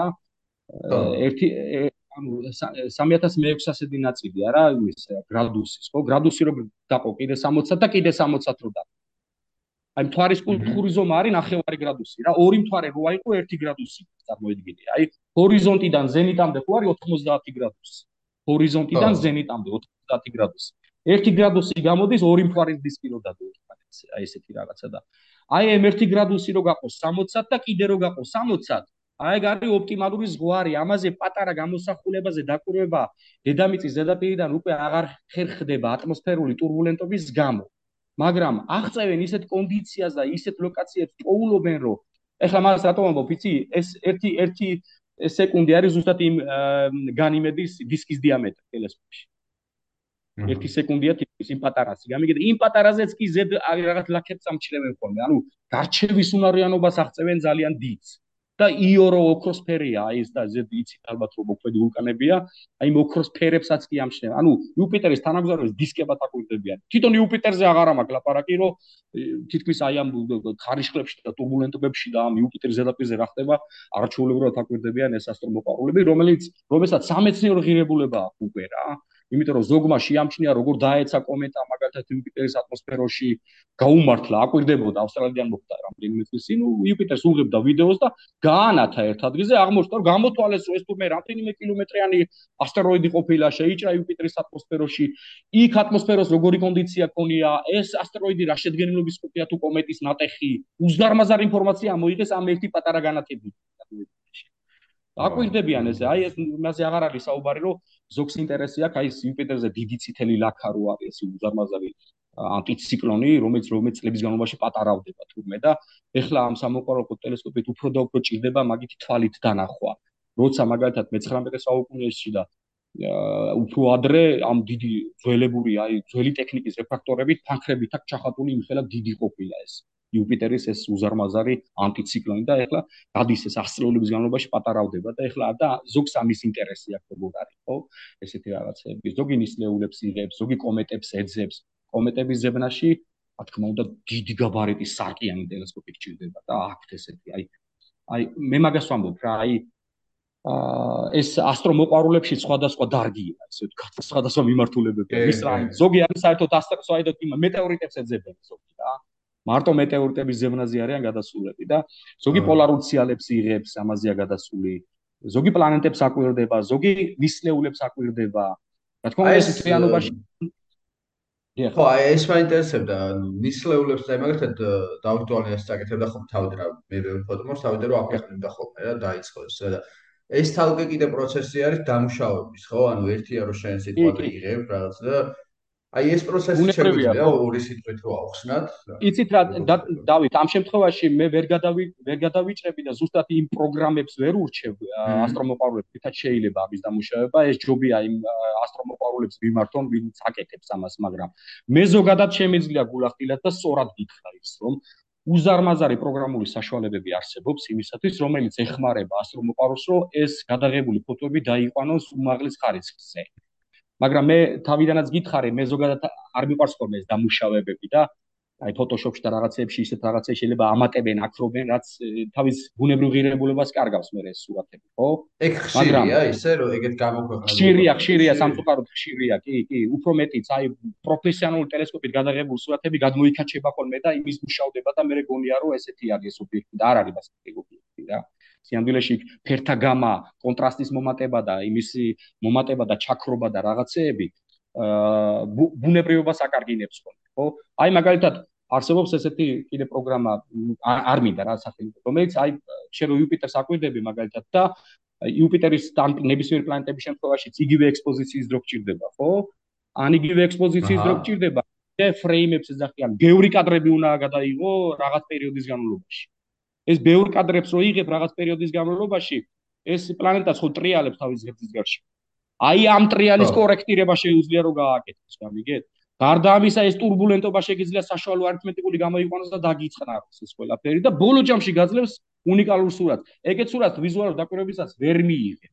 აი ახლა მე აი ასეთი ამ მასშტაბის ტელესკოპით რომელიც ჩემთან არის როგორც გითხარი 27 სანტიმეტრიანი კასეგრეინის ის არის მაქსტოვის მაქსტო კასეგრეინის სისტემის ტელესკოპით მინახია სურათები გადაღებული. მე თქვი ესეთი ესეთი დეტალური გამოსახულება როგორ მიიღო ამან იუპიტერისა რა რომელიც აქაც აი სადაც მე ცხოვრობ ეს აღმოსავლეთ საქართველოს ახლა საიდანაც გესაუბრები უნიკალური პირობებია ხოლმე სადაც დაკვირვებისათვის მაგრამ აი ძლივს ძლივს თვალი ჩემი მჩნევია ხოლმე. ამიტომ მაგრამ მუშავდება ეგ მე სწორედ ამ დამუშავების პროცესში ღებულობენ ხოლმე იმ ბოლო შედეგს, რასაც გამოასაჯაროებენ უნებრივია. ნუ ეს პრაქტიკულად პრაქტიკულად ყოველთვის ხდება. მაგრამ მე ურჩევდი აი ვის ასტროფოტოგრაფიაში და მოყარულებია ჩართულები, რომ ძალიან უაცდებიან იმ ბუნებრივობას, რაც რეალურად არ არის. თორე იქ შეიძლება ლურჯი არ არის და მურჯი მუქი ლურჯი გამოყავს, წითელი არ არის და მუქი წითელი გამოყავს და აი მხატრული ნიჭიც უნდა გქონდეს, გამიგეთ, რაღაცნაირი არტისტიც უნდა იყოს ყველაფერი ამის ვიზუალიზაცია გააკეთო. და რაც ყველაზე მთავარია აქ დავამატებ რომ უნდა გესმოდეს ის საგანი მეტნაკლებად რის ფოტოსაც იღებ. შენ როცა იცი მაგალითად პლანეტარული ისლეული სურათს რო იღებ რომ შენ აქცენტი ცენტრში უნდა გაამახვილო და იქ თეთრი ჯუჯაა დარჩენილი და როგორ მე კონტრასტი როგორ უნდა დაეცეს რომ ეს ხო შეფერო გაქვს არა რაღაცა აი მოხდა მილიონობით და მილიარდებით წლის წინ ვასწავლი საფეთქება ხო აქვს პლანეტარული ისლეული. ახლა შეიძლება რომ გადაიღებ და მარტო ბუცე გაქვს აქცენტი, ესე იგი არ არ იცი რა სიღე. და მიგელა სურათი კი ლამაზია, მაგრამ ამიტომ უნდა იცოდე რა სუგებს სურათს, ხო? აი ეს წყალბადის ღრუბლები რო ახლა ორიონის ისეულიც არაჩვეულებრივია აი მოლეკულური წყალბადის ღრუბლები. როგორ როგორ სად არის ძირითადი კონცენტრაცია ამას უნდა მიაქციო ყურადღება და როგორ იშლება? იქნებ სხვა პერიფერიებში უფრო მეტი შემთხვევები გათ იქაც გაამახვილე ყურადღება. ანუ ამ დამუშავების პროცესსაც მოეთხოვება მეტრაკები კომპეტენცია ასტრონომიაში.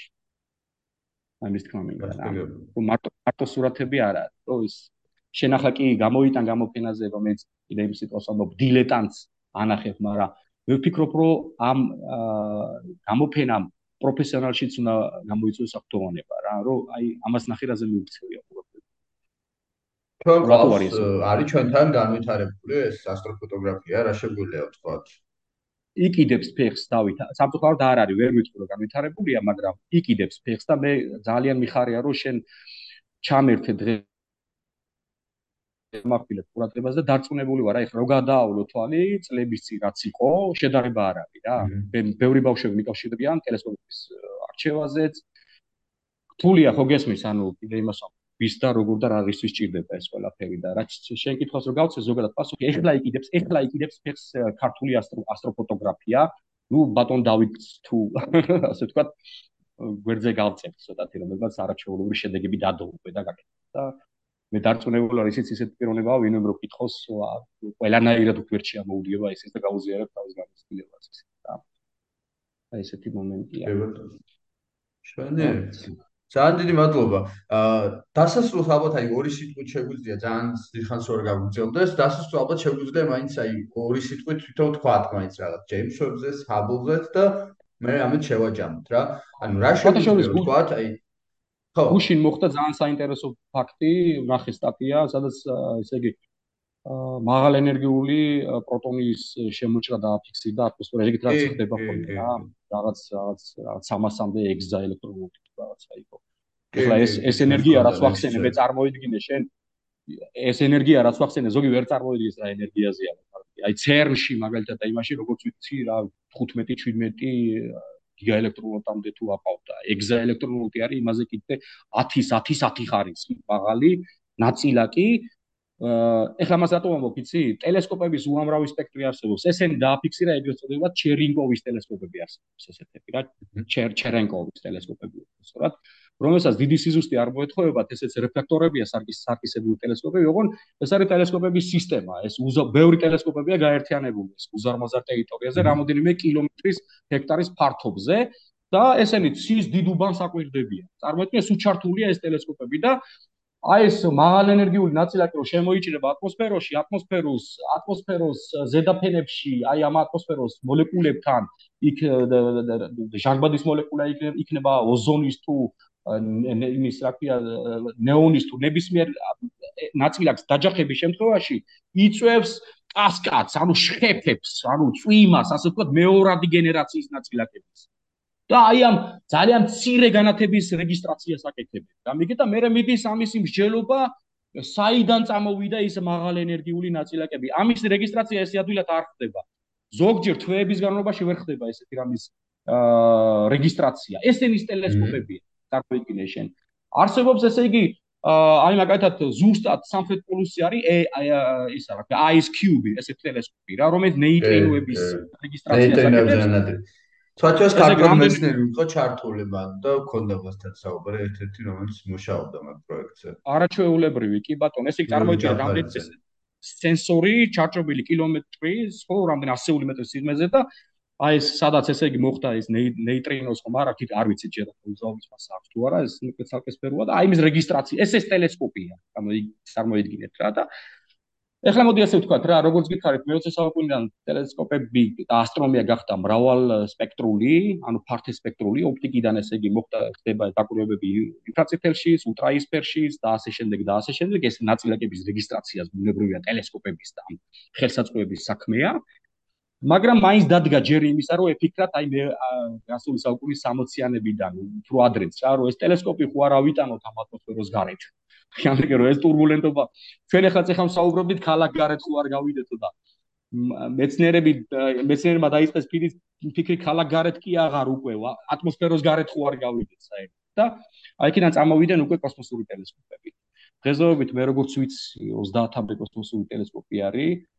ეხლა ხო ესე იგი ჯეიმსები თქვა ჰაბლიც რჩება ისე უბრალოდ ჩანდრას XA ობსერვატორია და ბევრი ტელესკოპები არიან რომელიც სხვადასხვა უბანში ახდენენ ამის დაკვირვებებს და ყველაზე დიდი როლი რაც ითამაშა ამ წლების განმავლობაში ისევ ჰაბლი რჩება სიმბოლურად, არ ვიცი, ჰაბლმაც ალბათ მე ვამბობ ხოლმე როგორც გალილეის ტელესკოპმა ისეთი როლი ითამაშა 90-იანებში ამ ჰაბლის ტელესკოპის გატანამ რა.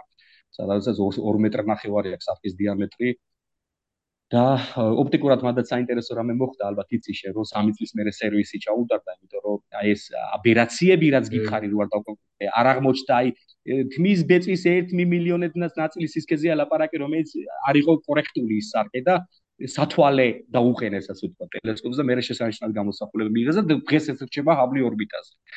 და რაც დიდი ნაბიჯი გადადგა ამ ბოლო გადაიდგა სამეცნიერო სფეროში ჯეიმს ვები. ო 2001 წლის დეკემბერში გაუშვეს და ამ ლაგრანჟის ესე იგი მეორე წერტილში ალბათ ეს იცით რაც დაახლოებით 4-5 ჯერ შორს მანძილია ვიდრე დედამიწიდან და თუ რამე მოხდა მედი არ მოხდება იქ სერვისი ვეღარ მოხდება როგორც ჰაბლზე მოხდა იქ თორ ძალიან შორია ამიტომ იყვნენ რომ ძალიან ფრთხილი იყო ის გაშვება და 6 მეტრ ნახევარია ხო იმის სარკეების კომბინაციას და ჯერ კიდე მუშაობს მუშაობს და ჯერ კიდე ველოდებით პრინციპში როგორ არის იცი ძალიან ბევრი მასალა არის უკვე რაღაც მუშავდება გითხრა მუშავდება ჯერ და ნენელა სტატიებში გამოსაჯაროდებოდა ეს შედეგი. არაჩვეულებრივ გამოსახულებს იღებდა.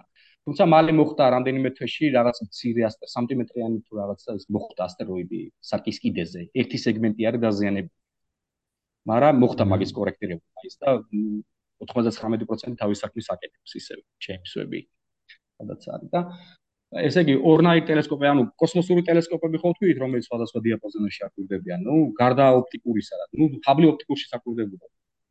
არის ground based ტელესკოპი, ხო, ანუ მიწაზე არსებული ტელესკოპი, რომელსაც ამას გაცილებით მეტი უპირატესობა აქვს, შენ მიდიხარ და რჩები ობსერვატორიაში და შეიძლება მართლა თვეების განმავლობაში ერთ-ერთი ობიექტი შეისწავლო და ეხლა ჩილეში, ხო, რაც შემდება 39 მეტრამდე კონდეს ო ესე იგი როგორია AVL extremely large telescope ანუ ხო large telescope-ები დიდი telescope-ები ხო იყო იქ და ახლა ექსტრემალურად დიდი telescope 38 39 მეტრამდე ექნება სარკის დიამეტრი. წარმოვიდგინე ვარცხნების სადაც 700-მდე სარკის სეგმენტები გაერთიანებული ერთად რომელიც პარაბოლოიდურ სარკეს ქმნიან და ესე იგი განსხვავებით აი ამ კოსმოსური ტელესკოპებსაც რომელსაც დიდი სარკის ატანაძნელია კოსმოსში ხო? აი ამ დედამიწის ზედაპირზე არსებული ტელესკოპებით შენ ხანგრძლივი ექსპოზიციით და ერთაიგივე ობიექტის მრავალჯერადი შესწავლით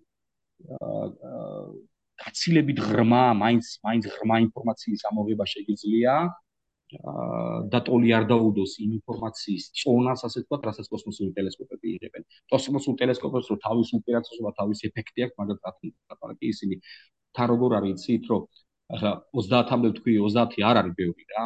იქ გიულეტენ რაღაცებს წერენ ხოლმე შენ რიქში უნდა ჩადგე რომ შენ ობიექტისთვის მიტრიალდეს ტელესკოპი და შეიძლება ბევრგან გაგრძელდეს. უპირატესობები აქვს რა რომელი ობიექტია ინტერესიანი და ასე შემდეგ. აი ჩვენ შემთხვევაშიც მასია.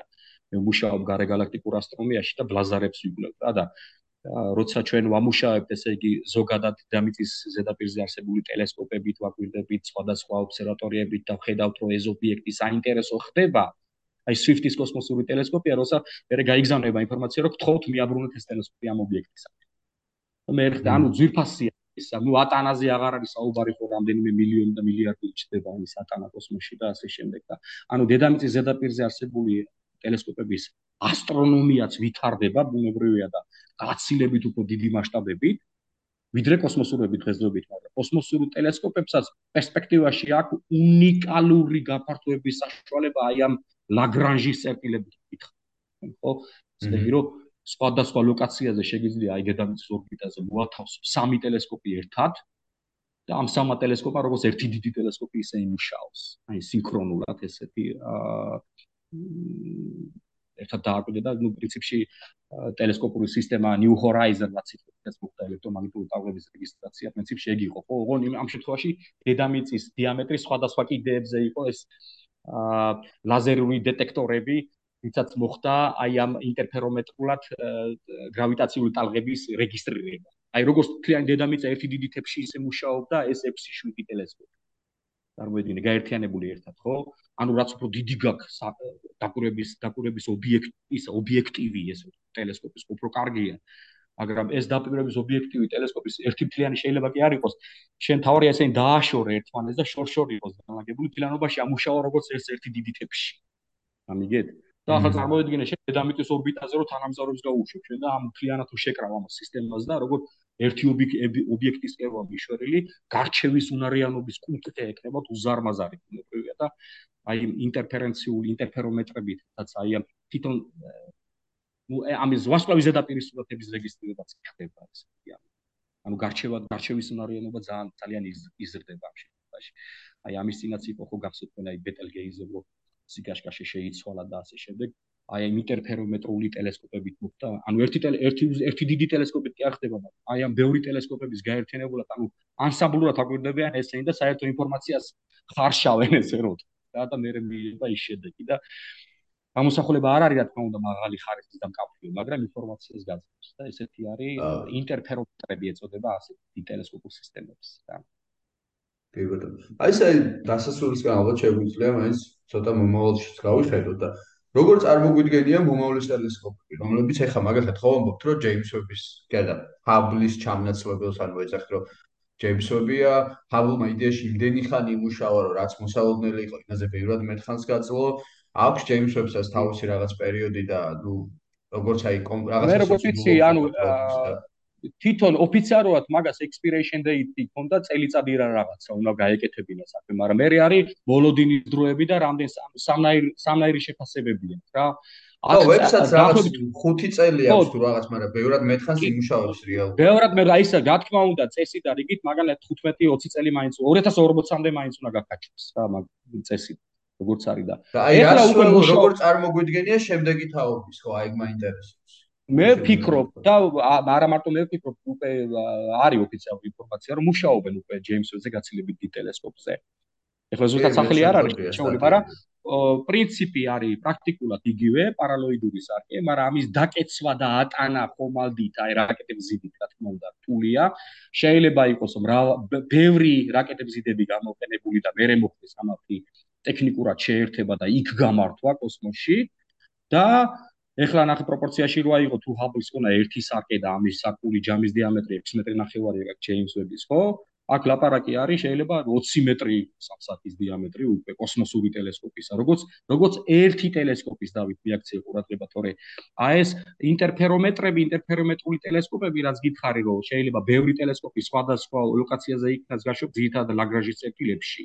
რომელიც ერთმანეთის მიმართ მანძილებს არის იციან თუ იცვლიან კიდე გამოითვლება ეს მანძილი არ არის პრობლემა აი ამ ორი მიმართულებით ხედავ მე განვითარებას. ერთი როგორც ერთნა ერთი როგორც ერთ ობიექტიანი ტელესკოპი ასე ვთქვათ, რომელსაც ერთი სარკე ექნება გაერთიანებული ბევრი მცირე სარკეებისგან ერთიან ერთ სარკეს და აი ეს სინქრონული ტელესკოპები, რომლებიც გაერთიანებული იქნებიან ერთმანეთთან საკუთარ ლაზერული სისტემით დედამიწის ორბიტაზე ლაგრანჟის წერტილებში, არა მარტო დედამიწის ორბიტაზე, შეიძლება სხვა ორბიტებზეც, პლანეტის ორბიტებზეც გადაიტანონ, მაგალითად იუპიტერის ორბიტებზე შეიძლება ნუ მომავალში გეუბნები და სადაც შეცეგი ანუ ეს დაკვირების დაკვირების შე რაც კიდე იმას ვამბობ რა რაც უფრო დიდი გაქვს დაკვირების მასშტაბი ტელესკოპს ტელესკოპის სისხლო ესე ვთქვათ რომელიც შეიძლება ერთიანი არ იყოს მაგრამ ერთი კიდიდან მეორეზე შენ გაერთიანებ და როგორც ერთი ტელესკოპი ამუშავებ, აი ამისკენ მიისწრაფვის უყველა ტექნოლოგია და ასტროფიზიკა, რომ ესეთი ტელესკოპები შეიქმნას რა და მაგრამ ყოველი გადადგმული ნაბიჯი ესეთი რაღაცებისკენ უდიდეს შრომას და თავადებას ყვითებს შეკარგებს და მე თულია, მაგრამ განხორციელებადია. ნახოთ, მედია მოვესწრებით მე და შენ ჯეიმს ვების შემდეგ თაობასაც. ნახოთ. ეს თუნდა მოვესწრებით. ნახოთ. ძალიან დიდი მადლობა, ძალიან დიდი მადლობა. საინტერესო იყო ნამდვილად, იმიტომ რომ ვისაუბრეთ რომ მოვასწარით რეალურად ყველაფერი, ხო, შევეხეთ ისტორიას, როგორ გაჩნდა ეს ტელესკოპები, რაღაც მიმოიხილეთ. სამოყვარულო დონეზე რა შეგვიძლია, მაგაზე ვისაუბრეთ, ასტროფოტოგრაფიაზე ვისაუბრეთ, რა ვიცი. თანამედროვე ძველ ტელესკოპებზე და რა მომავალში ცოტა გავიხეთ. ну რაც დრო გქონდა ჩემი ეს მაქსიმალურად გამოვიყენეთ და მადლობა. ვფიქრობ რომ რა ვიცი მადლობა თქვენ დავით და რა ვიცი თუ ვინმეს ექნება კიდე შეკითხვები და რაღაცები მე ყოველთვის ვათვალ ხოლმე დავეხმარო მათ და იმედი მაქვს რომ ჩვენმა დიალოგ დიალოგი ჩვენი დიალოგი საინტერესო იქნება ჩვენი მსმენელისთვის. რა თქმა უნდა, ბერგ შეკითხებს დაბადებს ეს ყველაფერი და წარმატებებს უსურვებ ყველას. ძალიან დიდი მადლობა. ძალიან დიდი მადლობა და მადლობა ასევე მსმენელს. და რა ვიცი, ან მართლაც თუ რაღაც შეკითხვები გაგიჩნდათ, შეგიძლიათ მიმართოთ სერგის. ხო, ალბათ სერგი ჩვენ ჩვენს ალბათ თუ რამე ისეთ შეკითხვა იქნება ტელესკოპთან დაკავშირებით, ალბათ ჩვენს სიამოვნებით დაეხმარება. სიამოვნებით დავეხმარები რა თქმა უნდა და არ არის მაგაზე საუბარი. სხვათა შორის შეიძლება მე მე ვიყო ის სხვათა შორის ახლო მომავალში რომელიც არ არის შეკითხვებით მოგადგება იმიტომ რომ მე თვითონაც ვაპირებ ახლო მომავალში. მათ შემიძლია კომპეტენციის ფაქტორში დავით იგულეთ თუ დიდი მადლობა. და დიდი მადლობა. დროებით. დროებით.